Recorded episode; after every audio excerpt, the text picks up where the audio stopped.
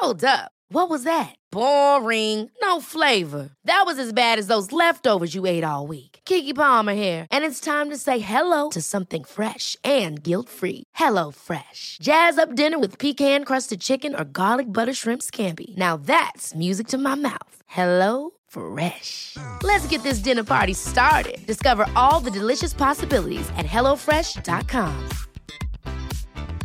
Burrow is a furniture company known for timeless design and thoughtful construction and free shipping, and that extends to their outdoor collection.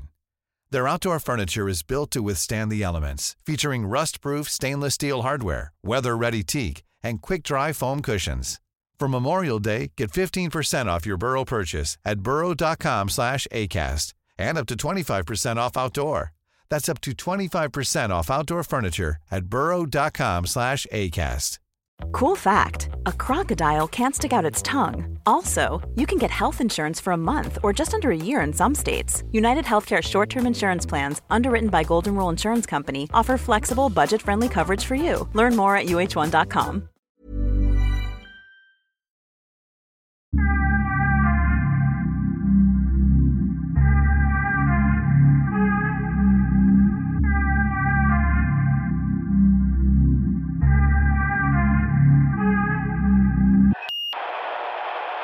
Vart kommer du ifrån Alexander? Från början? Ja. Sri Lanka?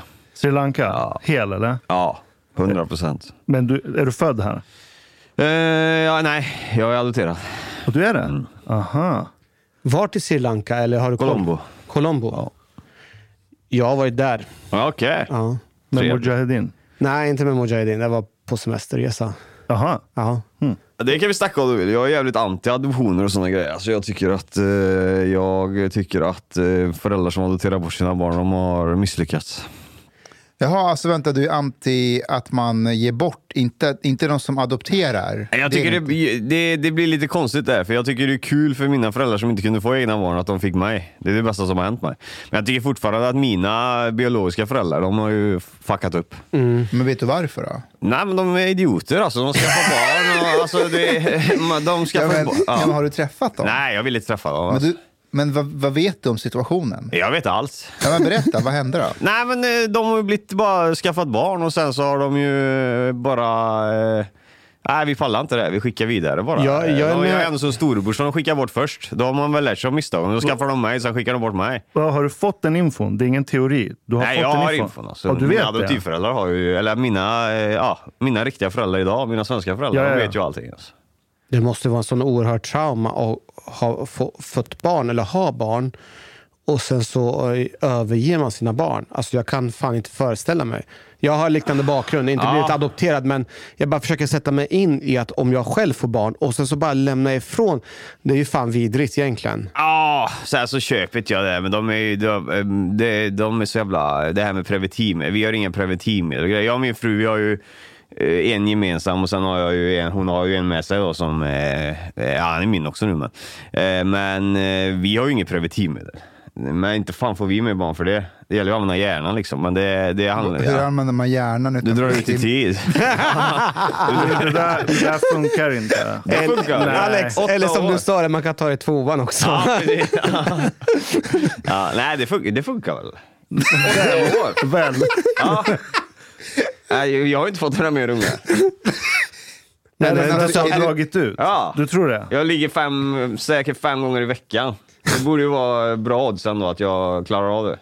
Men är det inte så att din eh, fru eh, använder preventivmedel? Nej, ingenting. Inget Nada sånt. noll. Nej, vi är lite så här, det är diskussioner. Alltså, jag köper också det. Vi har hört att preventivmedel också är, kan ge hjärt, eh, alltså hjärtproblem och sånt här. Så att, eh, jag tror inte heller på att Det man ska fuckar ju käka så. faktiskt upp kvinnors hormoner Ja. och sådär. Eh, De är inte riktigt sig själva 100 procent. Det är de inte annars heller ibland. Nej, det är sant. Så. Nej. Så Men det är... eh, om det här med adoption, men vadå? Eh, vad är- det är ju, det är ju, alltså, är det inte ändå någonting som är lite konstigt att det är oftast från u-länder, alltså svarta eller asiater som ger bort sina barn till vita. Alltså utifrån ett kolonialt perspektiv, fan det är ju skumt. Ja, jag vet inte riktigt varför det går så fel i de länderna. Alltså, eh, Det är en industri. Ja, ja, Det vet jag ju inte egentligen. Mina föräldrar, mina riktiga föräldrar har inte betalat någonting för mig så på det sättet. Så att jag vet inte riktigt. eh, Pengar har ju aldrig gått till mina biologiska eller de som tillverkar mig. Det har inte gått några pengar till dem liksom. Nej. Jag tror det är en annan marknad idag tror jag. Jag tror inte den var samma förr. Nej. Eh, Men eh, det, den är svår den frågan, för det är kul. För, alltså, det är ju, jag har ju fått det lyckligaste livet, liksom, så att det är ju jävligt kul att eh, bra föräldrar här som inte kan få barn kan få möjligheten att adoptera ett barn. Det tycker jag absolut. Men sen har de där nere, de har ju fortfarande fuckat upp, för egentligen ska det inte finnas några adoptioner eh, överlag, tycker inte jag. Utan alla som har planerat att skaffa barn och sådana grejer, de ska kunna lösa det. Liksom. Hur då? Hur då? Man, man får, alltså, skaffar man barn, det är inte som att skaffa en pryl. Man måste bara lösa det. Alltså. Det alltså, får ju lösa det hur som helst. Jag hade också löst det hur som helst. Har jag inga pengar, då får jag fixa pengar. Liksom, eller något sånt där. Det, det, det får man göra bara. Men dina biologiska, är, är det så att de har varit fattiga? Eller att, Mm. Ja, ja. Alla är fattiga där. Alltså. Men de finns- är inte fattigare än andra som har behållit sina barn, så att säga? Så mycket information har jag inte. Men jag anser inte att de var fattiga. Vi har varit där nere en gång liksom efteråt. eh, Där jag, trä- jag har träffat mina biologiska mormor och morfar, tror jag det var. Mina mostrar har jag träffat. Ja. Och då är det så när man kommer ner dit ner, om, eh, då fick vi information där. Kommer man dit ner och man träffar människor som är lite feta, typ, eller de har lite hull, typ. Då har man ju bra familjesituation, då får man ju bra mat och sådana grejer. Så tänker de. E- Eller så får man dålig mat. Ja, men det finns inga dålig mat där nere. Här finns det dålig mat. Där nere finns ingen dålig mat. Du Allt är är inte undernärd i alla fall. Om du, är, om du har hull. Nej, nej, precis. Men, ju liksom inte. Då var det ju jävligt känsligt, för när vi kom dit ner, liksom, då fick man ju höra det att ah, det var spänt läge då för att eh, eh, biologiska mamma eller vad det var och mostrar, de var gifta med män då. Och, eh, det, alltså, eh, min biologiska mamma tror jag hade någon ny eller hur fan det var. Och det är ju svårt att gifta sig som oskuld och sen kommer vi ner och bara känna du födde oss liksom för ett tag sedan. Liksom. Så att, Hur, hur var det det. Vad sa de? Nej, de sa, alltså, de, vi hade ju tolk med oss vad jag vill minnas. Jag var 14 eller någonting, 13, 14 tror jag. Och de sa väl inte så mycket mer än att eh, att eh, ja, de hälsade lite så. Eh, biologiska mormor kommer jag ihåg var jävligt glad. Hon, hon skrattade när hon såg oss, men inte morfar. Han visste att det blir problem om vi, vi blottas att eh, det finns eh, oäktingar om man ska säga. Jag har ju fått uppfattningen att de som blir adopterade, att, att det brukar vara så två olika sorters människor när de växer upp. Den ena eh, sorten har en väldigt stor längtan efter att få träffa sina biologiska föräldrar och söker och, och hamnar lite i trubbel med identitetskrig och så. Och så har den andra typen som är totalt ointresserade av sina biologiska Nej, det är bra. Det går fint ut. sina biologiska föräldrar. Eh, utan det är så här, nej, alltså de som har matat mig och varit där, det är det som är mina föräldrar. Jag har noll intresse av mina... Vil- Vilket, vilket, vilket läger är du? Jag lägger att på det sista läget. Alltså. Men jag fattar inte, du åker ner, Ja. men sen sa du selektivt att du inte vill se just dina föräldrar, men Ja, du jag, är vill träffa 14, alla jag är andra. 13-14 13-14 år då när jag åker ner. Jag är 36 idag. Men, Men, du, men du du bad ner? om att inte få träffa just föräldrarna, men du ville träffa alla andra. Nej, jag bad inte om någonting, utan vi åkte ju ner i... Varför åkte ni ner? Äh, min, min riktiga mamma och pappa är i Sverige. Vill ju åka ner för att se om, Ah, okej, om, eh, om det leder till någonting och, och det finns något intresse från min sida. Alltså, Ville de lämna tillbaka dig? Nej, fan. är Galen eller? Men, men eh, när du kom dit, hur, hur kändes det att vara... Nej, men vi, alltså, man är ju ung då. Det var ju bad. Alltså, vi var ju där två veckor. Vi var där med andra adoptionsfamiljer eh, familjer som adopterade barn. Eh, så vi lekte ju med varandra alltså, på de här badområdena. Jag tänker att du kommer till ett land där alla andra mer eller mindre ser ut som dig. Ja. Vad är känslan? Nej, inget. Jag är 100% svensk. Alltså. Jo, eh, jag, ibland så fantiserar jag själv om jag skulle åka ner till Iran Mm. och jag ser att alla andra iranier är där. Jag tänker att det kommer bli en speciell känsla. Jag tänker så här, är det inte annorlunda när alla andra inte ser ut som svenskar utan alla andra ser ut att likna mig? Nej, ingenting. Ingen, Det verkar som att du, du är mer åt Glenn Hussein-hållet än Hanif Azizi. Ja, 100%. Glenn är så här, jag tar livet med en eh, så här, klackspark. Och jag såg någon intervju med honom där han sa att när livet är tufft då sjunger han den här eh, eh, Allt som livet ger, den här Baloo-låten. Ja. Och, och så bara kom han över det, säger han. Är du en sån? Ja, lätt. Jag har ju sen att träffas. Jag gillar han som fan. Vi är samma, alltså, det är samma humor och sådana grejer. Han tar livet med klackspark, 100 procent. För, för missförstå mig rätt, det, det är inte där jag, han- jag, jag, jag frågasätter inte huruvida du är svensk eller inte. Men jag bara liksom biologiskt, visuellt, att man kommer till ett ställe och så, så ser man att alla andra ser ut som mig. Till skillnad från hur ens hemmamiljö ser ut. Att det skapar vissa typer av känslor. Nej, jag, det skapar ingenting för mig i alla fall, vad jag vill minnas. Ingenting så. Jag, Ja. jag tror det där är någonting man har byggt upp i huvudet. Jag har ju varit i Iran flera gånger. Ja. Sist var väl för, fan kan det ha varit, Så fem, sex år sedan eller någonting sånt. Jag kommer inte ihåg. I vuxen ålder. Du får inte alls den feelingen. Men vad då? Att, att de på gatan pratar det språket som du är uppväxt med, är inte det i Okej, sig... språket kanske, men utseendet nej. Fan, jag, jag bor ju nära Mall of Scandinavia. Det är, det ju fan Gazaremsan där. Det är, det är inte en enda svensk där inne. Det är inte en, jag, när jag går dit med min tjej Sofie, hon är den enda blonda på hela Mall of Scandinavia. Vi gick dit, de öppnat någon sån ny elektronikaffär där. Vi skulle gå och kolla. Power. Ja, Power.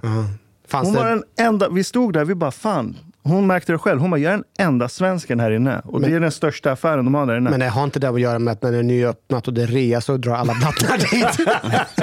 det är ju så. Men jag, måste faktiskt, jag måste hålla med Ashkan. Alltså, jag känner inte heller så när jag var i Pakistan. Ehm, eller när jag, alltså, språket, ja. För det är någonting med språket. Fan, ni, ni förstår varandra. Men maten då? Du går till restaurang och serverar typ kalle eller kebab. Ja, eller... det är gott också. Men, men jag vill säga att utseende har faktiskt spelat väldigt lite roll. För att de kan likna det, ja, men det är ändå, ni tror på helt andra idéer. Ni har helt andra värderingar, alltså helt annan syn på livet. Och då spelar utseende väldigt lite roll. Alltså bara kroppsspråk, tonalitet, Jo. kläder gör att du känner Ja. dig alien och de ser att du är alien också. Du Absolut. får den här blicken. Men Ja, jag menar bara på att idén att åka till ett land där man ser ut som en och äter och pratar på samma sätt. Nu pratar inte du kanske Nej. deras språk. Vad pratar man där? Singalesiska. Men tamiler, pratar de också singalesiska? Eller? Ja, det är väl tamilska tror jag de pratar. Ja. För det är många olika etniska grupper i Sri Lanka. Ja, de två singaleserna och tamilerna, det är väl de som har krigat mest. Va- Vart är du uppväxt i Sverige? Trollhättan, Trollhättan. När är du född? 87 Okej, var det många som såg ut som du? Eller inte hade, eh, som hade icke-svenskt biologiskt påbrå? Nej, vi är två stycken där, i- där i Två? skolan. Ja, vi är två. Nej, vi är tre är vi. Det är jag. Vishal och Nisha. Ja, Nisha han är från Sri Lanka också. Han är ett år två år äldre än mig. Och Också adopterad, Ja, och Vishal är inte adopterad, men han var från Indien. Ja, han är från Indien. Så om vi vänder på det, gi- gick du runt i Sverige och kände dig udda? Nej, fan. Nej, Det var inget nej, sånt, va? ingenting. Alltså. Vet, eh, det har aldrig varit... eh, Det, det där kommer sent det här med neger och svarting och såna grejer. Det kommer sent i våran, på våran tid, alltså de här skillnaderna. Det kommer mer på gymnasietiden där. Ja. Eh, Grundskolan är perfekt. Alltså. Det finns inget sånt där. Alltså, det, Av någon den- anledning så ser man inte tid- färger. Nej, jag tror mer på, på den tiden så uppfostrar föräldrarna unga bättre på det sättet. Tror jag. Det var bättre på den tiden, tycker jag. Eh, om jag tänker tillbaka. hur var det när du första gången fick höra de orden när du gick på gymnasiet? Liksom? Ja, första gången i grundskolan, då blir det ju så här äh, möte direkt. Vi sitter som här då, fast alla elever som var med sitter med. De går rätt hårt på just det Mm. tillfället när det togs med hudfärg första gången. Jävligt hårt går de på det. Eh, rektor och sånt är med på det mötet och allting. Och det, jag tror det är första incidenten på den skolan. Det blir något sånt ord. Det är därför de slog. Och det, det slog ju det mötet. Det blev aldrig mer efter. Jag tror det var i sexan eller sjuan det skedde det första gången. Sen hände inte det mer i, i eh, grundskolan. Men tog du åt dig? Var det jobbigt att höra? Nej, det gjorde jag inte. Jag- Det, det enda är att jag gjorde inte det. Ja. Tänk på så när, när någon sa så här, "Ah, jävla neger, och du bara, vad är det neger här? Var var någonstans? Ja, ja, nej. Jag var inte så slipad just på, det, på den tiden, men det hade man säkert gjort idag. Men eh, nej, jag kopplar inte på det överhuvudtaget faktiskt. Eh, Jag gjorde det. Men du, när vi träffades här så sa du att du, du hatar Stockholm. Ja. Vad, vad är grejen? Nej, det, alltså, jag ska inte säga att jag hatar Stockholm. Alltså, jag hatar inte... Ja, jag, det är ingen stad som jag vill bo i alla fall. Det är för stort. Alltså. Det är krångligt som fan. Men jävligt, det är det enda jag vill säga eh, om Stockholm. är Jävligt trevliga. What? Jag har ju guidats, eh, jag har guidats hit idag. Va? Jag, har trä- jag pratar med fyra personer idag för att ta mig hit. Har Som inte du Google Maps? Ja, men den funkar. Jag, jag och frugan gick, gick med den på Östermalm. Då ska du vrida den här pilen som ska följa. Ja, det gick åt helvete alltihop. Så att det är bättre att fråga människor. Alltså. Ja. Men vänta nu, du gick från centralstationen hit, eller? Eh, jag hoppar på, vi bor på Östermalm, så jag hoppar på, på något Östermalmtorg. Röda. Alltså röda linjen. ja. Ah, någon linje hoppar jag på. Jag frågade en tjej som var där inne. Först frågade jag någon infogubbe som stod innan jag skulle betala för jag skulle dra med kortet. Men det gick inte att lägga kortet på dem så fick jag ladda ner en app Och sen guidade han mig ner och sa han viktigt nu ta höger och inte vänster för då åker du åt fel håll och såna grejer. Men sen träffade jag en tjej där nere eh, som jag frågade om hon kunde visa mig. Så hon skulle ändå åka till eh, ändstationen på det här. Så hon guidade av mig.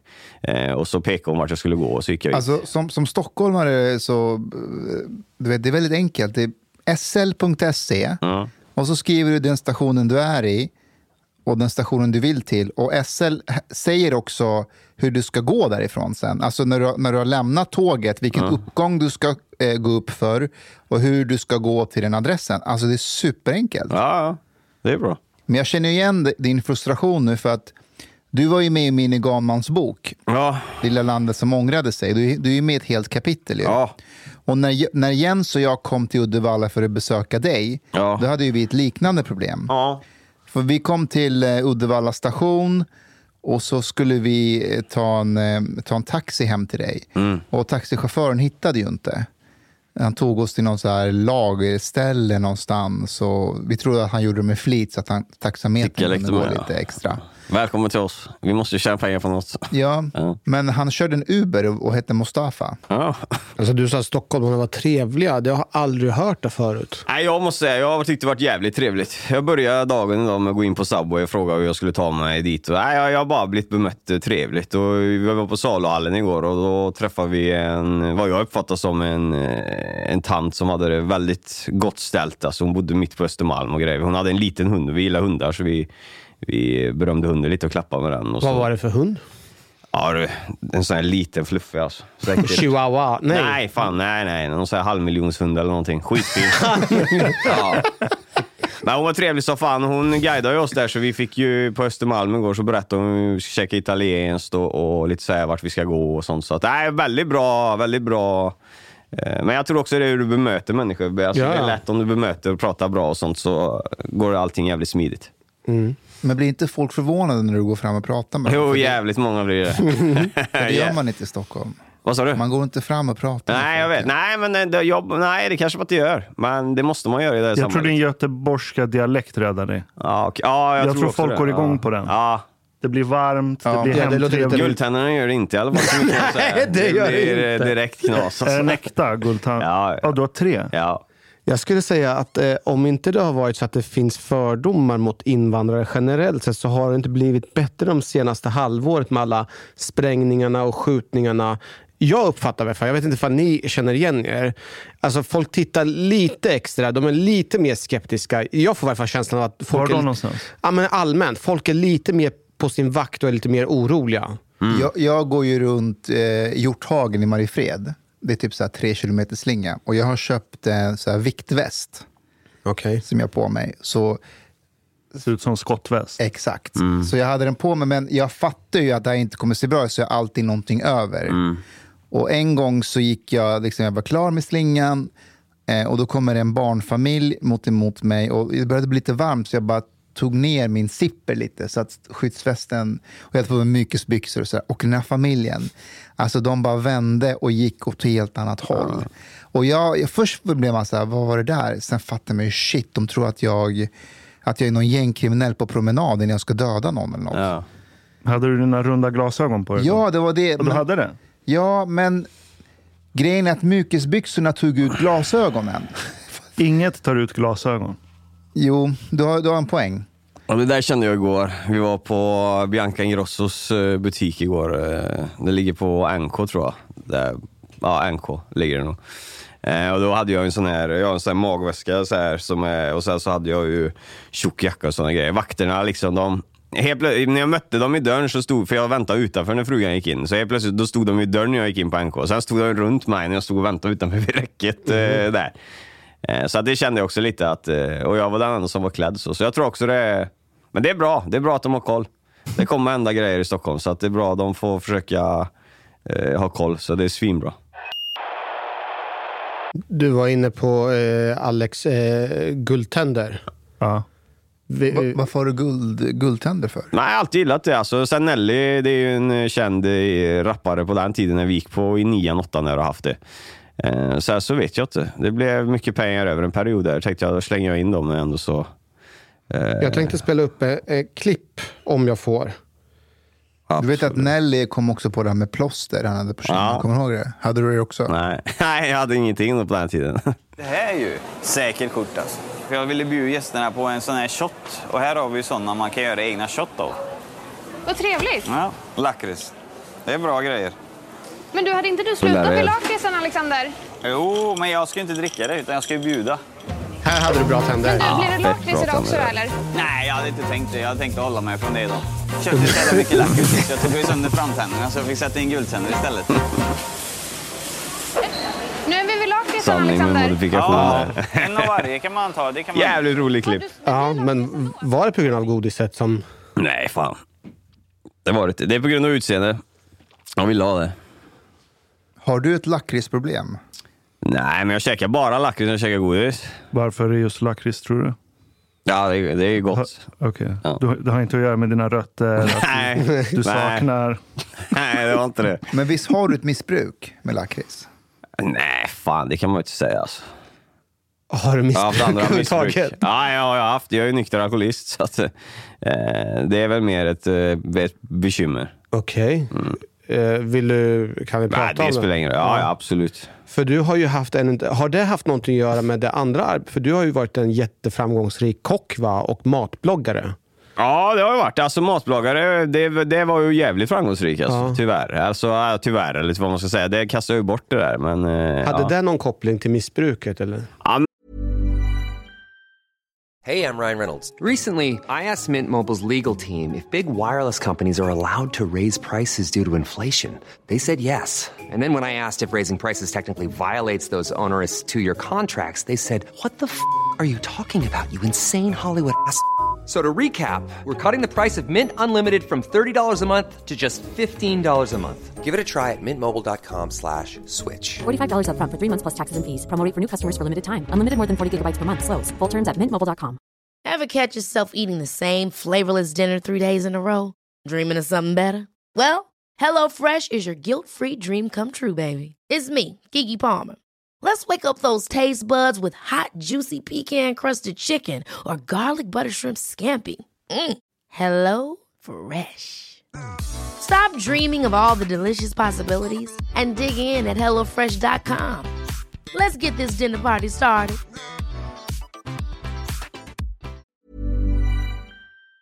ja, alltså, ja, det hade du. Vill du Söker. ta det från början? Ja, nej, men eh, med alkohol menar du? Nej, med matbloggen. Men du, och, du, hade en, du hade typ Sveriges första matblogg. Ja, det hade jag. Vad hette den? MrL.se heter den. Mr... MrL.se. Al. Mm. Jag kallades för Al när jag var liten. Okej, berätta, dra era storyn. Va, storyn är ju att jag eh, egentligen... Eh, jag, bara kom, jag vet inte varför jag kommer på det. Jag kommer bara på att börja lägga upp på Facebook så här småbilder när jag lagar mat och sådana grejer. Och, eh, och intresset från mat, det har du haft sen... Det är sen hemma. Alltså min farmor och farfar och eh, morsan och de, de lagar alltid bra mat. Jag var med redan så liten vid köket där. Eh, farmor, eh, svensk kvinna, alltså riktig så här eh, farmor, riktig farmor alltså som man ser på Ja, Jag vet inte hur man ska jämföra, men så här riktig alltså. eh, Krutkärring, Ja, enkelt. men alltså så som det var alltså på den tiden. Alltså, hon var hemma och, och tog hand om hemmet och farfar eh, jobbade ju sådana här grejer. Och så hade hon ju, Matriark liksom. vad sa du? En riktig matriark som har koll, Ja, ger ungarna en smäll på käften. Nej, fan, inte- nej, nej, nej, nej inget Okej. sånt. Bara hur snäll som helst. Alltså, jag vet inte, man var bara, bara en bra person. Alltså, mycket bra person. Och hon hade alltid maten färdig när, eh, vid tidpunkter och så. Det var alltid riktigt lagad mat. Där någonstans fick man intresse av det. Liksom. Men lärde hon dig laga mat? Nej, det gjorde hon inte, men eh, uppfattningsförmågan där på var rätt bra och eh, intressant för jag återskapar vissa rätter idag med min egna hjärna. Men ja, men det är där det startar. Sen håller jag på med det här med matblogg och här grejer jävligt, eh, eh, jävligt länge. Mm, Och vi snackar ju liksom, på den tiden så var det 100 000 visningar och här grejer. Det var mycket per dag liksom Ja, ja, ja. På, på recept och sånt. Eh, Så att det var stort. Och när du säger den tiden, hur många år pratar vi om? Hur länge sedan? Ah, jag är 36 nu, så säg, jag har varit ihop med frugan 10 år, så 12 år sedan kanske. Ja. Mm. Det var Ina, Essina och de andra. Ja, Camilla Hamid och vad fan de heter. Ja, Ja. det var Mat-Tina var med på den tiden tror jag fortfarande. Men jag tror Okej. inte hon hade någon blogg då, utan hon körde ju för TV4 om jag inte minns fel. Men hur kom du på idén att du skulle ens blogga om mat och så? Ja, det är det jag inte kommer ihåg riktigt nu när jag sitter där och säger Men att jag hade någon jävla grej. Jag har ju alltid, folk säger alltid ja, du vill höras och synas. Ja, men jag, jag skäms inte för det. Alltså, absolut, jag vill höras och synas. Och ge det kändisskap och pengar och grejer och så. Det är, skit, det är bara bra. Alltså, jag vill ju jobba, vill ju leva med media liksom. Så jag bryr mig inte om det fem öre vad folk. Så det är säkert något sånt där som ska synas och höras och sticka ut eller någonting. Men samtidigt så krökar man ju en del, för jag var ju jävligt... Eh, jag är ju inte så tunn idag. Va? Jag är ju smal va, enligt många, va? men eh, jag var mycket smalare förr och hade jävligt svårt med tjejer. Jag var ju skitsent på det här, eh, som jag säger, med förlora oskulden sent och så här. Så att eh, jag hade inga brudar eller någonting. Så att, eh, men... Eh, Vet, vet du vad det beror på? Ja, det beror på mitt utseende. Nej, det är lakritsen. Lakritsen drar ner sexlusten. Men jag hade ju, om jag inte har börjat ligga än så kan jag inte veta om det funkar då. Okej, jag fortsätter. Men vad då tror du att det, tror du att det har med utseende att göra? Eller tror du med att det har... Absolut, 100 procent. Men eh, du får ju ligga idag. Ja, som fan. Ja, Ja, det får jag. men du ser ju likadan Ja, jag vet. Men eh, Så grejen... är det utseendet? Nej, men det, det är lite hur man uttrycker sådana grejer. Det är det som gjorde alkohol ett problem för mig, att jag blev en annan person när jag drack alkohol. Alltså jag, blev, eh, jag blev grym, blev jag. jag blev bra som fan. när jag Är det inte alkohol. med självförtroendet då? Ja, så kan man säga. Ja. Självförtroende. Ja, jag, fick ju, jag blev en annan person när jag drack alkohol. Och, eh, Men började det som vanligt att du drack med polarna på fest? ja, Var det gjorde så det började? Ja, det Eller gjorde satt det. du hemma liksom från dag ett? Eh, jag hade nog börjat hemma redan när jag flyttade till lägenhet, ja.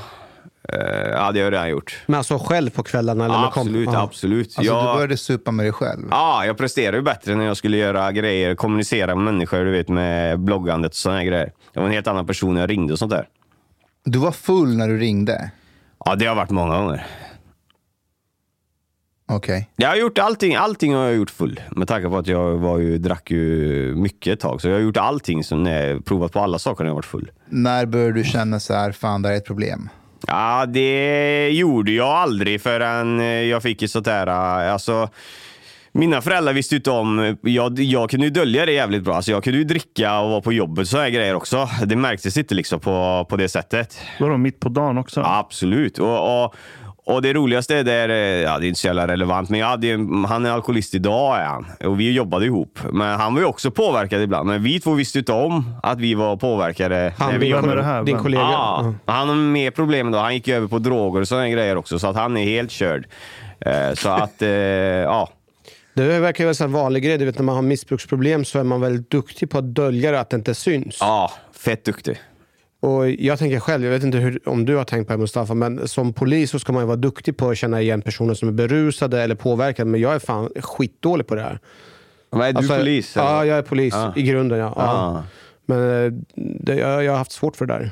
Ja, alltså så i blåsningar har jag ju torskat på, absolut. Mm. Men eh, inte så på hos chefer och så. Nej, det har jag inte gjort. Absolut inte. Ingen, aldrig någon gång. Vad börjar du dagen med? Nej, alltså att jag var påverkad på arbetet, det, det är få tillfällen får jag säga inom arbetsliv. Men det har hänt säger jag. Det har hänt. Och det är ofta söndag till måndag där. Och måndag eh, kan man dra en återställare när man vaknar innan man ska till jobbet. Det har hänt. Ja. Eh, så. Men eh, stoppen utav allt det är ju egentligen när mina föräldrar blir eh, presenterade för att det finns ett problem. Eh, och de tar tag i det helt enkelt. Hur, hur fick de reda på det? Eh, Min dåvarande flickvän hade åkt hem till dem och pratat med dem och samtidigt med mina vänner och sådana grejer. Då. Så det blev ett familjemöte hemma. Berätta hur det där var när du kom in. Blev det så här överraskning när du kom in där? Nej, men jag, jag, alltså jag hör ju på mina föräldrar om det är, när de ringer till mig. Alltså, eh, då hör man ju om det är en positiv ton eller om det finns någon bakomliggande grej som kommer eh, konfronteras kanske. Eh, och det hörde jag ju när min mamma ringde, för hon ringde väl och frågade om jag skulle komma och käka eh, den dagen efter jobbet eller någonting. Eller var det den dagen i alla fall. Eh, och det gjorde jag ju, men då satt ju de där va? och då, då togs ju det upp och jag är lite full när jag kommer dit. Jag, vet, jag kommer ihåg den här dagen så jävla väl. Eh, för på den tiden så hade man ju slutat blanda eller dricka gott och halsade ju flaskor. Och jag vet att jag bara hade en sån här Bacardi hemma, en liters från Tyskland. Bacardi Lemon vet jag. Som jag hade hals, bara druckit så här snabbt då för att i, inte spy direkt. Då, för eh, man blir lite spy om du bara halsar liksom sötsprit och såna här grejer. Va? Så jag hade fått i mig lite vet jag, men inte mycket. Jag hade inte käkat på eh, en och en halv dag eller någonting heller, för man blir jävligt mätt på den alkoholen, kommer jag ihåg. Så jag såg nog ut som ett döende. Alltså, folk beskriver mig att jag såg ut som ett skelett liksom då. Eh, eh, så att, eh, mm.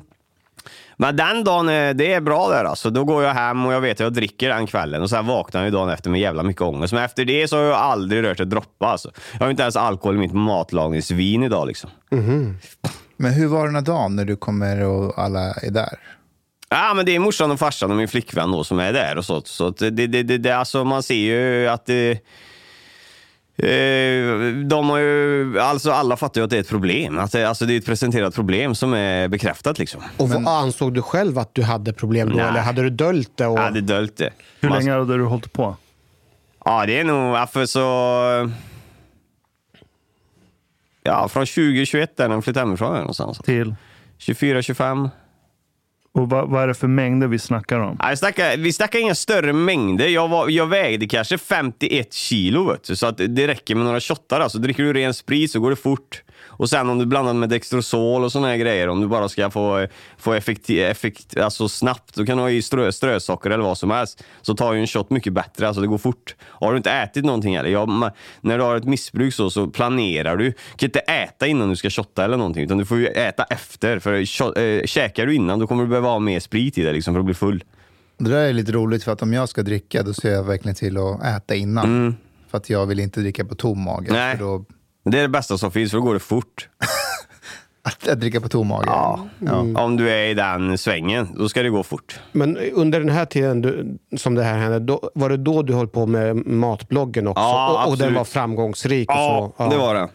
Och hur, hur blev den framgångsrik och vad var det som hände som att du fick så Nej, mycket med hjälp av uppmärksamhet? Frank Andersson. Jag och Frank Andersson vi började köra ihop. Eh, han är död då och han vilar i frid. Bra gubbe.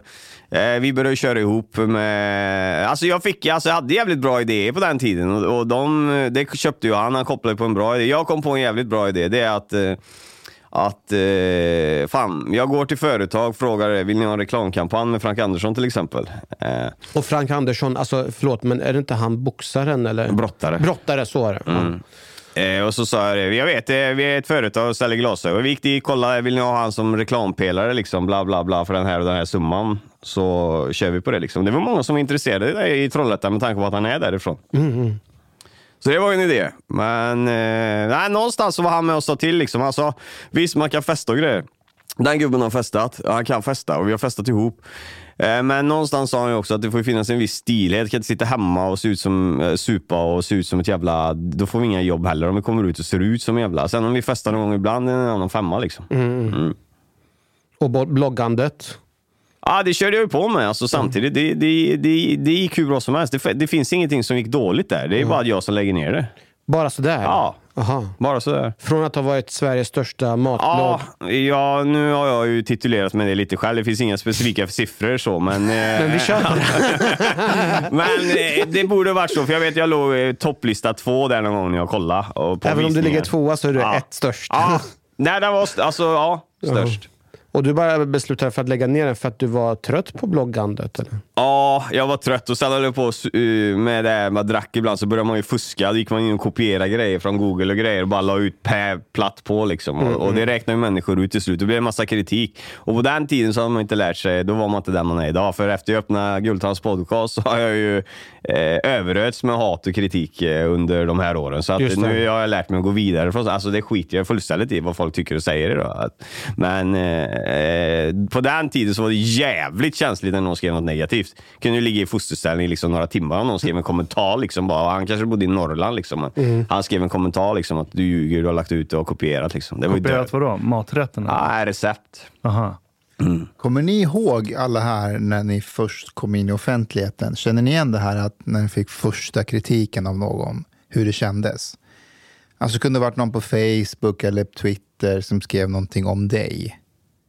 Hur ni reagerade? Ja. Hur var det? Men jag, jag kom ju offentligt in alltså för länge sedan. Det här är 2004. Okej. Hur gammal Så var du då? 18. Det var när jag fick skivkontrakt. Men då fanns ju inte sociala medier. Nej. Så då var det att folk mejlade eller så hängde man, jag tror inte många vet vad det är, ICQ. Ja, ja. Så då satt du på ICQ när det var livespelningar och så var det någon DJ som spelade en låt. Då satt folk och kommenterade live. Och så kunde de skriva, jag hatar den här låten, han är jävla tönt. Han är, hans gitarrer är så bögiga och så kunde man sitta och läsa det. Men det var inte samma sak, för det, folk du känner ser ju inte det. Nej. det var så jävla isolerat. Men det blir ändå fosterställning, det spelar ingen roll. Nej, jag vet. Det blir det. Blir Det fanns ju inte ens profilbilder. Det Nej. var en jävla nickname på ICQ som skrev att mina gitarrer var bögiga. Mustafa, tänk, förlåt. eh, Jo, men jag, jag kommer ihåg alltså, när man först, först var ny och så var det typ... Alltså jag skäms för det nu, för det var, det, var, det var så löjligt. Men jag var typ i, jag tror att det var utomlands, och så såg jag att någon person hade skrivit någonting, alltså det en helt obetydlig person. Men jag tänkte på det under hela dagen, kanske nästa dag också. Så här, varför? Vad har jag gjort för att få det? Nu är det så här, det är bara, alltså, vem fan är du? Vad var kritiken då? Det var något jättelöjligt, nå- alltså det var helt obefogat, men det var bara det var så nytt allting. Att en okänd människa intresserade sig för vad du hade gjort. Men, Jag tror man måste gå igenom det där. Ja. För det finns inget sätt att mentalt, eller läsa sig till hur man ska reagera. Det är en emotionell resa du måste bara gå igenom. Ja, men det är belöning också. Det betyder att man hörs och ses när det där börjar komma. Japp. Jag tänker det kanske finns olika personer som framför kritik. För min egen del, om det är någon... Alltså, jag syntes väl i tv i samband med någon ingripande på Efterlyst eller någonting. Eh, när de gjorde reportage. Och många som var ju kriminella som kommenterade och det, var ju, det rann ju av en. För kritiken man var van att höra men när det var liksom vanliga Svensson som kommer med någonting. Det, det var ju inte lika roligt. Ja. Men vi, vi, vi, det här bordet sitter nog på olika, olika erfarenheter av kritik Ja. tror jag. Vi har helt olika former av Ja, det. personer. Vad säger du, vad, vad är den vanligaste kritiken som Guldkant, äh, Ku- Guldtand podcast får? Fan vad kul, guldkant. Det är många som har sagt det. Det är guldkant, det är ju, vad fan var det nu igen? Det var rom bland, nej inte rom, det är en, det är en shot. Det är, någon, det är något gammalt man drack i Sverige. Aha. Guldkant. Okej, ja, ja. ja, Ja, Det är många som felsägning, det ska vara Guldtand podcast. Yeah, yeah. Ah, det gör ingenting. Eh, Sponsrat av eh, Snack24. Ja. Vadå? Snack 24? Du får dra Snack ja, jag kan göra det sen. Nej men vad var vi? Var på kritik eller? Ja, men vad är det för kritik? Vad är den vanligaste kritiken som Guldtand kan inte du berätta först vad det är för podd? Vad är Ah. Guldtand? Nej, jag driver ju Sveriges bästa podd, Guldtands podcast. Sveriges största och mest lyssnade. Ja, absolut. Ja. Hela, hela köret driver. Med Nej, mångfald av gäster. Det, Mångfald, ja. ja men det, det, alla, alla får tala till punkt vad fan man än gör, så får man tala till punkt hos mig. Och, och man får marknadsföra sig hos mig också. Men du har ju en rätt så märklig podd med märkliga gäster också. Du har typ, typ She-mail en dag och så har du typ Göran Lamberts nästa dag. Ja, Hur fan fick du Göran Lamberts till en podd? jag ringde han. Och det här var efter att han varit anklagad för, de här, för någon, någon våldtäkt. Ja, Jag har två avsnitt med honom. Jag har ett, det vill jag känna från ung tills idag, som är mitt tema.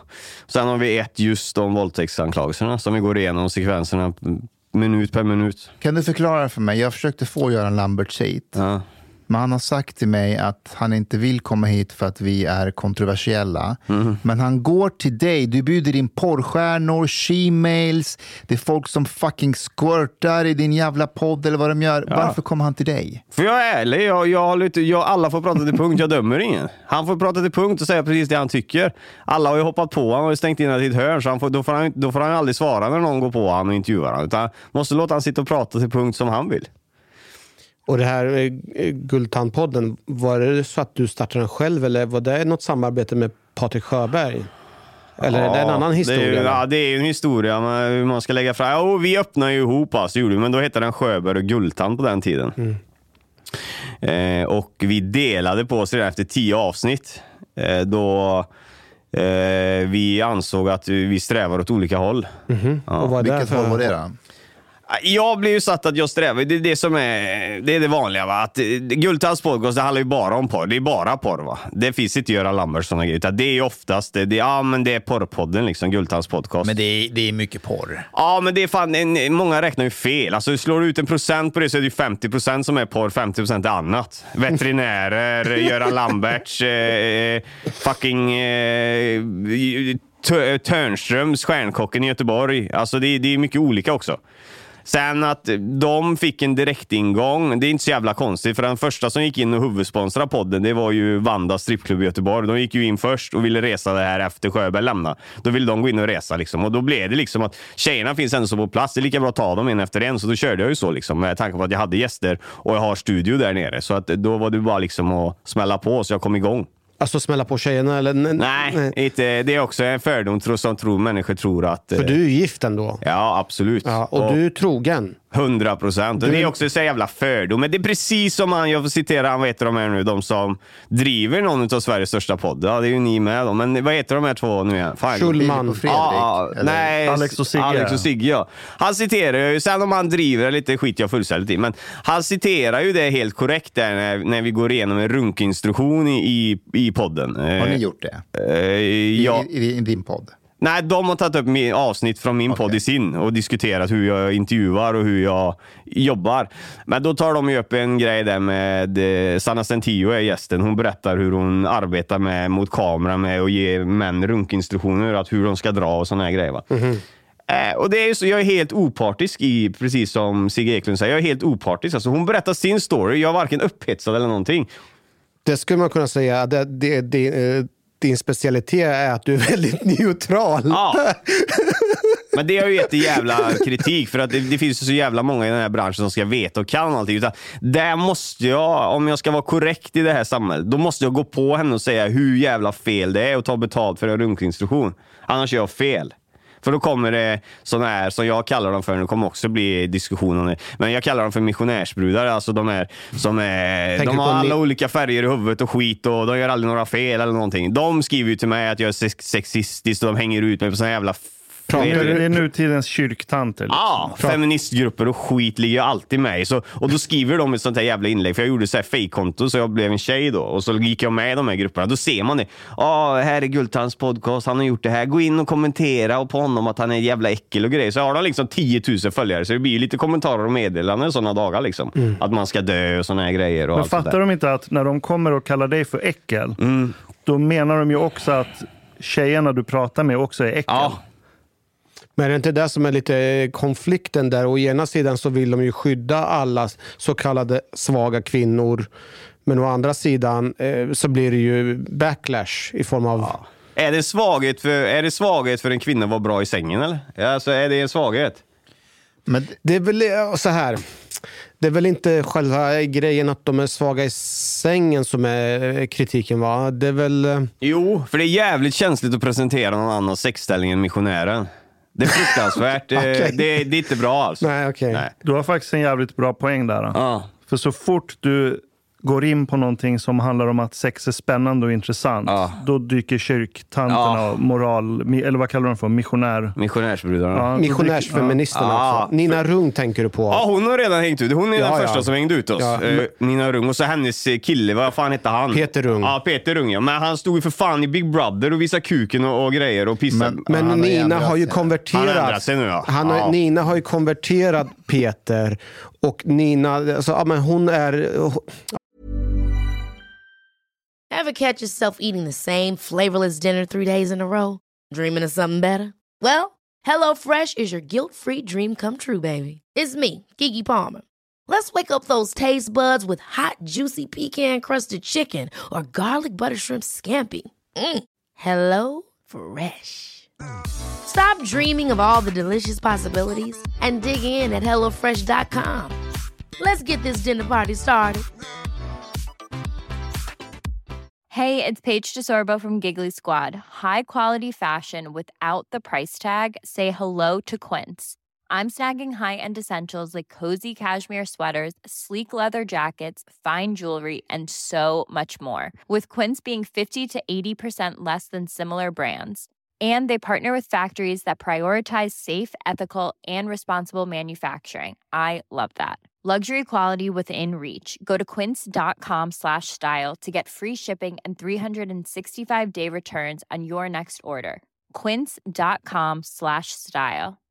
Imagine the softest sheets you've ever felt. Now imagine them getting even softer over time. That's what you'll feel with Bowl and Branch's organic cotton sheets. In a recent customer survey, 96% replied that Bowl and Branch sheets get softer with every wash. Start getting your best night's sleep in these sheets that get softer and softer for years to come. Try their sheets with a 30-night guarantee. Plus, get 15% off your first order at bowlandbranch.com. Code BUTTERY. Exclusions apply. See site for details. Ja, hon, det hon kapitaliserar ju på det här. Hon säljer föreläsningar, paket till kommunen och stigmatiserar personer som du och mig. Det är väl vad, vad hon Det är hennes jobb liksom. Ja visst. Och sen så kör man bara. Ja, ja, ja, ja, ja det, det där fattar jag mig inte på. Men det där blev ju typ, det trodde de ju att de skulle döda oss. Liksom, att vi skulle liksom, det är efter ett besök på en av klubbarna i Göteborg som vi får den här kritiken. Bland annat en av oss som lyfter upp en strippa och vi dansar med dem. Och jag klär ut mig till, de frågar mig, vi skulle ha en dance show off, jag och en strippa. Så att jag skulle strippa på ena polen och hon på andra. Och så skulle vi se vem som var bäst. Jag skulle härma henne. Och då frågar de mig, ah, vill du klä ut dig till någonting? Och då tänker jag, ah, vad, vad, vad får jag välja mellan då? Då fick jag välja mellan polis eh, och någon jävla läderdräkt som tjejer har, eller indianhövding. Och då vet jag inte, men då, då tar jag indianhövding då. Ja. Då tar jag ju det. Och då blev jag ju, vad fan var det då jag blev? Då blev, Kulturell appropriering. Ja, då blev jag ju fräsch. Jag, jag uttryckte mig fräsch rasism då, för att man får inte säga indian, för det heter ursprungsamerikan eller någon sån här grejer då. Så Men är inte du ursprungligen... jag är ju inte indian, jag är inte Nej, men du är ett ursprungsfolk. Ja, vet, ja. Nej, så det där var en jävla soppa. Och Men- egentligen, indianerna, är det inte så att de lajvar indianer för de kommer ursprungligen från Asien? Jag kan inte det där. Kanske. Men när du är ju ändå ute på landet kan man ju säga. Så, Ja. alltså, eller hur? Mm. Dina fans, hur, reagerar, alltså, hur tänker de när de hör de här, vad du kallar dem för, missionärerna? Mm.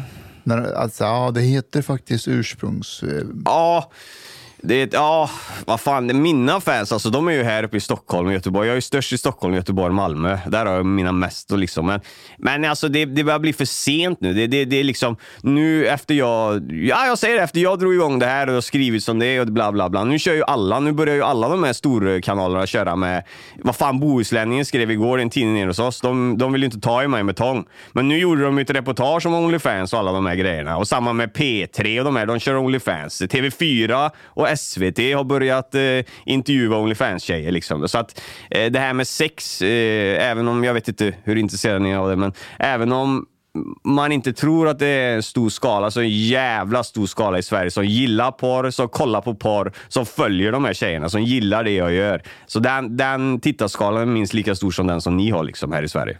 Men hur har du, alltså, vad är det du gör egentligen? Hur, hur hittar du de här människorna som kommer till dig? Eh, alltså nu, nu ska man inte sitta här och skryta med värsta eftersöksproffset. I början, min- jag har hållit på i ungefär tre år nu, ungefär två och ett halvt år. Det första halvåret fick jag jaga som fan. Då fick jag ju hänga på Onlyfans och alla de här stora ställena och hitta tjejerna. Och så, här. Och så fick jag ju skriva till dem manuellt. Då. Tjena, jag driver Gultals podcast. Här får du prata till punkt. Kom hit och marknadsför dig så får du mer liksom, views alltså, på din Onlyfans. Så, så började jag ju. Sen fick jag ju in de här stora namnen i den branschen. Amanda Bredén och de som är störst. Men efter det så har det bara löpt på. Nu sitter man liksom... Nu är nästa steg i min karriär det är att anställa någon som, eh, som kan sköta det här med att gallra och förra, förrapportera, alltså förintervjua och sånt så vi vet vad vi ska prata om. För nu bara öser det in grejer liksom hela tiden.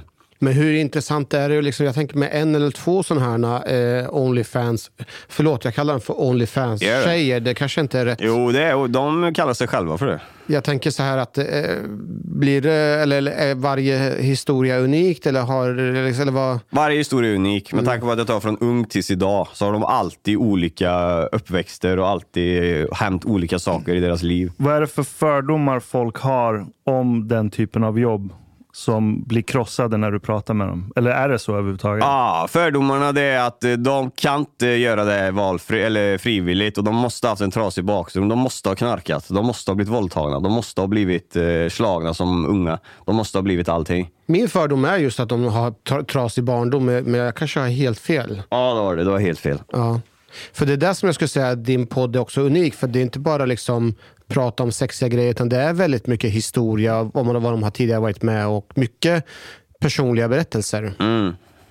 Absolut, och jag, jag, alltså, jag köper det. Jag fattar att det är, det är en valfri podd att lyssna på. Jag fattar att alla inte vill lyssna på den. Jag begriper det fullt ut. Alltså, det är helt okej. Det är därför jag, tar, jag inte tar illa vid mig. Därför jag blir så jävla irriterad när någon skriver liksom "Åh, det är skit det du gör, bla bla. Men vad fan lyssnar du på varje avsnitt för? Du, du får ju gå in manuellt och klicka på det. Det är ingenting som sätts igång och göra när man vaknar. Liksom. Hur, hur gick det till när du presenterade den här idén om podden till din fru? Ja, alltså... Generellt sett så har det inte varit eh, några problem alls. Alltså, vi är väldigt lojala till varandra och eh, frågar man mina gäster så, så är är det väldigt professionellt. Liksom. Alltså, jag vet scenarier där jag ska fota tjejerna, liksom, där jag ska sätta på dem mikrofoner och sånt i B och kant eller liknande. Jag gör inte det, utan jag säger du får sätta på mikrofonen själv. Jag rör dem inte. Alltså, fysiskt så rör jag dem inte. Även inte när jag har dansat heller med stripp och sådana grejer. Utan jag har sagt till innan, jag vill inte ha någon närkontakt eller något så här, eh, sånt. Så att Eh, Eh, det är väldigt, eh, så, här, så har vi alltid varit öppna med innan vi träffades, att jag har alltid haft ett intresse för, för den världen. Alltså eh, stripper, eh, Onlyfans, porr och sådana grejer. jag tycker, För mig så tycker jag det är jävligt intressant. Och det är inte bara som alla säger, ah, men han, ska, eh, ja, han ska knulla med alla, han ska ligga med alla. Det är för att det finns jävligt mycket, jävligt mycket outhämtade pengar i den branschen. Eh, med tanke på att ingen har velat ta i dem på länge så har de ingen, de har ingen möjlighet att marknadsföra sig eller bygga hemsidor, någon som vill samarbeta med. De har ingen möjlighet med någon som vill komma och fota dem och göra event och sådana grejer med dem och, redigera och, och göra marknadsföringsmaterial åt dem. Så att det finns mycket pengar att hämta i den branschen. Var, var, förutom, är det det som är intresset eller finns det någon annan aspekt av det som gör att du dras dit? Nej, det är det som är intresset. Så, här, så absolut, kvinnokroppen är ett fantastiskt... Eh, vad heter det? Redskap, Se, va? eller- eller? Nej, inte redskap, men sevärd. Alltså, det blir konst alltså. alltså. Jag tycker det är konst när de eh, klär sig så som de gör och dansar så som de gör. För du vet, om, om du går till Google Trends och kollar på vad folk söker på Mm. och så stä- ställer du in det på Sverige och så kollar du över 24 timmar. Och Mm. så skriver du in Pornhub och så kollar du när folk skriver Pornhub. Mm. Då ser grafen ut som en vulkan. Så den börjar klockan åtta på kvällen. Då börjar den stiga. Det är väl då folk lägger sina kids eller något sånt. Och sen hittar du toppen runt ett, två på natten. Då sitter liksom halva Sverige på Pornhub och sen sjunker det ner. Sen finns det ju folk som sitter uppe på natten och håller Ja. på där. Och kollar du över hela världen, om du jämför med folk som söker på Pornhub eller typ Ja, men vad de här missionärsbrudarna pratar om Ja. att de bryr sig om. Demokrati, mänskliga rättigheter. De syns inte ens på grafen. Nej. Pornhub slår det mesta som folk söker Mm. på på internet. Det är ju jävligt konstigt. Eller hur? Ja, det är ju skitkonstigt är det. Men är det inte så att de här människorna, eh, alltså missionärsfeministerna eller vad man kan kalla dem, de har ju sitt levebröd på att hitta en motsättning och du och podcasten Gultan Podcast blir ju en perfekta alibin för deras arbete. Mm. Så att det blir ju liksom ett- ett sätt för dem att göra eh, hålla på och bedriva, för då kan de skriva sina debattartiklar, då kan de skriva hur illa det är. Eh, och, och samtidigt få publicitet och marknadsföring och kanske kan sälja sina produkter. Men vadå, ni menar att det inte är på riktigt när de skriver? Ja, För det är det egentligen inte. om det skulle vara på riktigt, nu bara tänker jag högt så här, om, om det är på riktigt, eh, är det Alex som ska få kritik eller ska man kanske till till och med rikta sig mot de här tjejerna? Om det, Nej, men de är offer. De vet ju inte vad de gör. Medan medans Alex utnyttjar ju dem. Du tar ju in dem genom en plattform. Så då blir du boven i dramat. Då borde du ju, då borde du veta bättre. Ja, enligt dem eller dina åsikter? Nej, nej, jag gör en annan analys av hur de ser ja, på ja, det. precis så. Ja, så är, så är det ja. Men någonting, jag håller med dig, någonting så, så alltså de skjuter ju sig själva i foten. Ska de inte hjälpa, de ska väl hjälpa kvinnor eller? Och, alltså de hänger ju ut dem lika mycket som de hänger ut mig. Så att jag, jag, jag begriper inte, det blir ju det blir jävla konstigt alltså. Alltså jag tror genuint att det finns de som verkligen äcklas av det här och, och hatar dig för det du gör. Ja, absolut. De har jag pratat med också, många av. Så det, det, det, det, finns ju folk som gör det. Det förstår jag. Det har jag full förståelse för. Absolut. Kan du säga någon eller några som har gett dig kritik för det du gör, där du tycker att kritiken som har riktats ändå är legitim på ett sätt? Ja, alltså den som, det som avsnittet som jag egentligen funderar på mest om det var egentligen korrekt gjort överhuvudtaget. Det är att jag, jag gör ju ett avsnitt med en eh, eskorttjej, dolt avsnitt. Eh, Hon kommer hem till mig. Eh, Den här dagen så kommer ju polisen också. Polisen, dina, dina kompisar, ja, Mhm. ja, de kommer ju civilt hem till mig, till studion den, den dagen. Och följer då, antagligen så har de haft flagg på henne då. Eh, vad, vart, vad hon gör. Så de tror att du är kund? Ja, de tror att jag är torsk, tror jag. Mm. Ja. Och vad händer sen då? Nej, vi pausar podden i mitten, då går vi ut och då är de ju där och eh, eh, då fotar vi henne. Då kommer ju min fotograf, så då är han under tiden så har han ju riggat upp eh, belysning och sådana grejer ute då, eh, där vi brukar ta kort. Eh, och hon kommer ut och fått på sig Gultans podcasttröja och sådana grejer och då då drar de. För då fattar de ju att, då, då googlar de ju snabbt vad är Gultans podcast och ser de att det är en, en intervjupodd då, eller vad man ska säga. Och då drar de. Men... eh, Men hade ni, hade, ni, hade du någon dialog med poliserna på plats? Nej, eller de... ingen, ingen alls. Ingen dialog alls. De, de följer upp henne för hon parkerar. Hon vill inte, för att hon ska vara dold då, för mig. Jag ska inte kunna, kunna spåra henne, vart hon eh, tar vägen eller någonting, eller vem det är. Eh, och så hon parkerar en bit bort och de väntar vid hennes bil och pratar med henne när, eh, när hon kommer till sin bil. Då, för hon Mm. ringer mig på vägen hem sen. Då. Men vad var det som var problemet? Nej, problemet var ju att de trodde att jag skulle... Eller, de trodde väl att det var en sexaffär.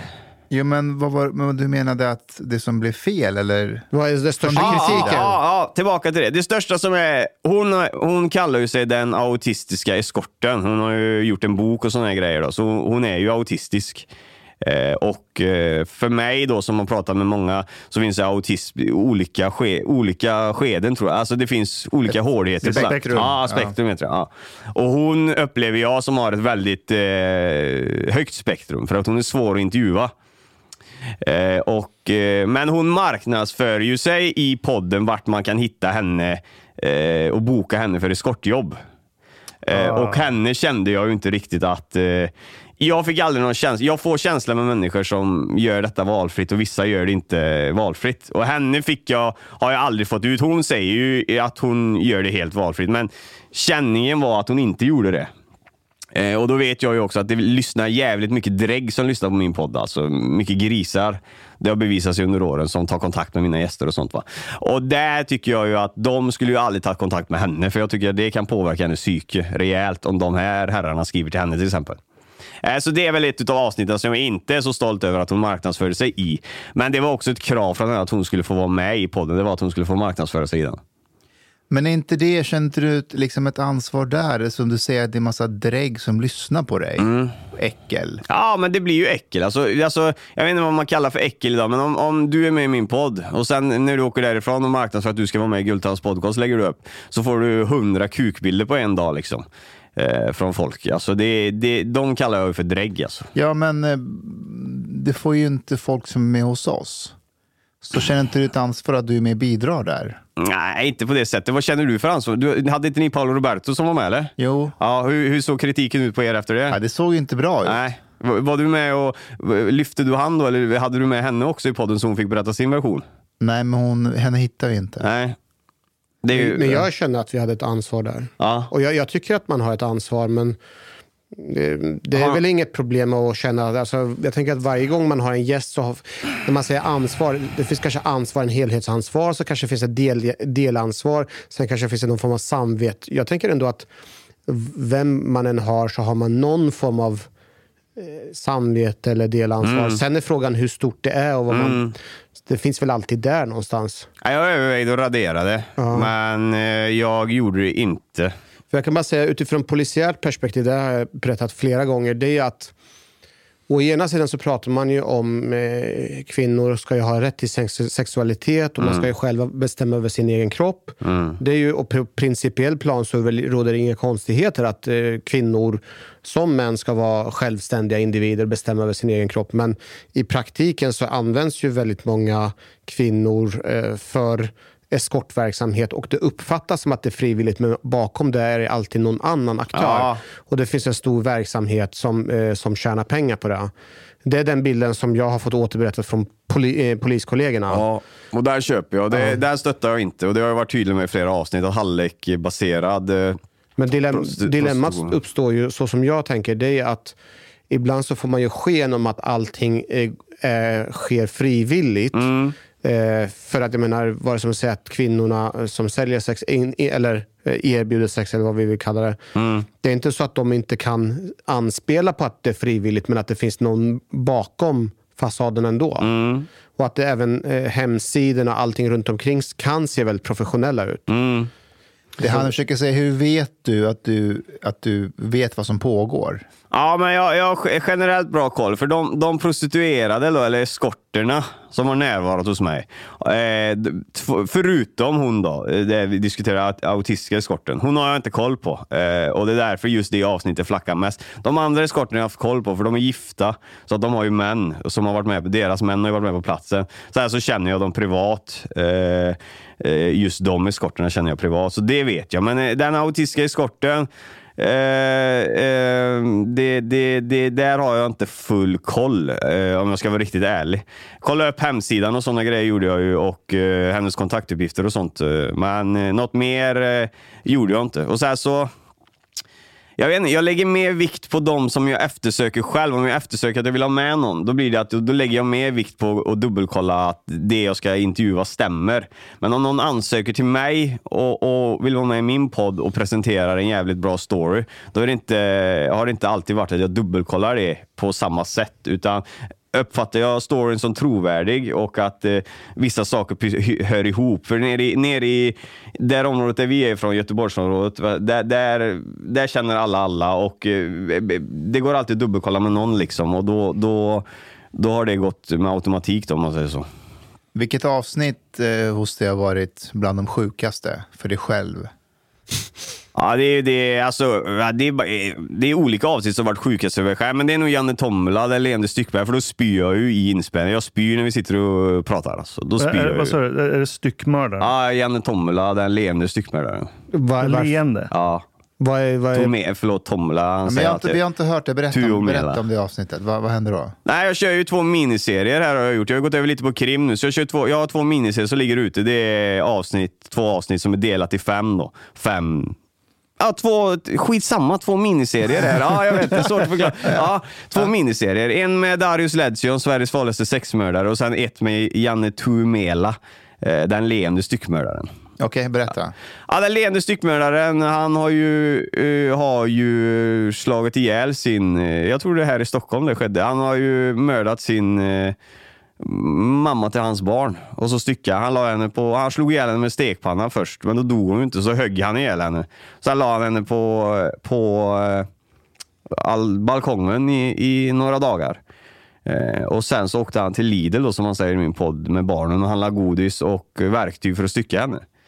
Eh, och han marknadsför också, han, är, han marknadsför också Lidl att de borde få spons för att sälja styckredskap. Han är lite så här, han, han har ingen ånger i det han har gjort om man säger så. Det är tufft eh, och det var lite tufft att lyssna på styckningsdelen då. Men han har suttit och frisläppts. Han är fri. Hur länge satt han? Han satt nog 16 år tror jag, om jag inte minns fel. Ihop satt han 16 år. Men han satt ju i Finland en del av tiden också. men han ångrar sig inte. Nej, absolut inte. Han säger än idag i intervjun att han gör om det igen om han behöver. Varför det? För att han ansåg att, eh, att samhället hade svikit honom och att eh, det var hans fru. Han har gjort så många anmälningar mot henne, både polisiärt och, eh, och det har inte hänt någonting. Han har blivit fysiskt, han har blivit fysiskt misshandlad och psykiskt misshandlad av henne Aha, okej. under många års tid. Och för mig då så var det ett intressant avsnitt att göra med tanke på att det som är aktuellt idag när man diskuterar eh, så är det mycket att kvinnor blir fysiskt miss, eh, under lång tid i, i, i förhållanden då, av män. Men här har vi då ett fall där någon presenterar att det är en kvinna som gör det. Sen om det är sant eller inte, det är helt omöjligt att veta för vi kan inte fråga henne. Nej. Men anmälningarna finns där i alla fall. De har han visat upp att I, anmälningarna I finns. vilket skede spydde du? Okej. Du har lyssnat så här långt. På sista måltid. En mycket fin radioprogram i Sverige. Du tycker det är mycket trevligt. Men, lyssna på mig nu. Det här var inte hela avsnittet. Det var bara en liten smakprov. Hela avsnittet är nämligen mycket längre. Om du vill lyssna på alla hela avsnitten, då du måste betala biljett på klubb sista måltid. De har grabbarna de behöver pengar. Flis. Lax. Stolar. För att betala räkningar. Shoppa blodpudding till familjen. Oka tunnelbana. Eller dricka en kall Norrlands guldpåteservering ibland. Läs i beskrivning för avsnitt, där det finns information för att bli medlem på klubb Sista måltid.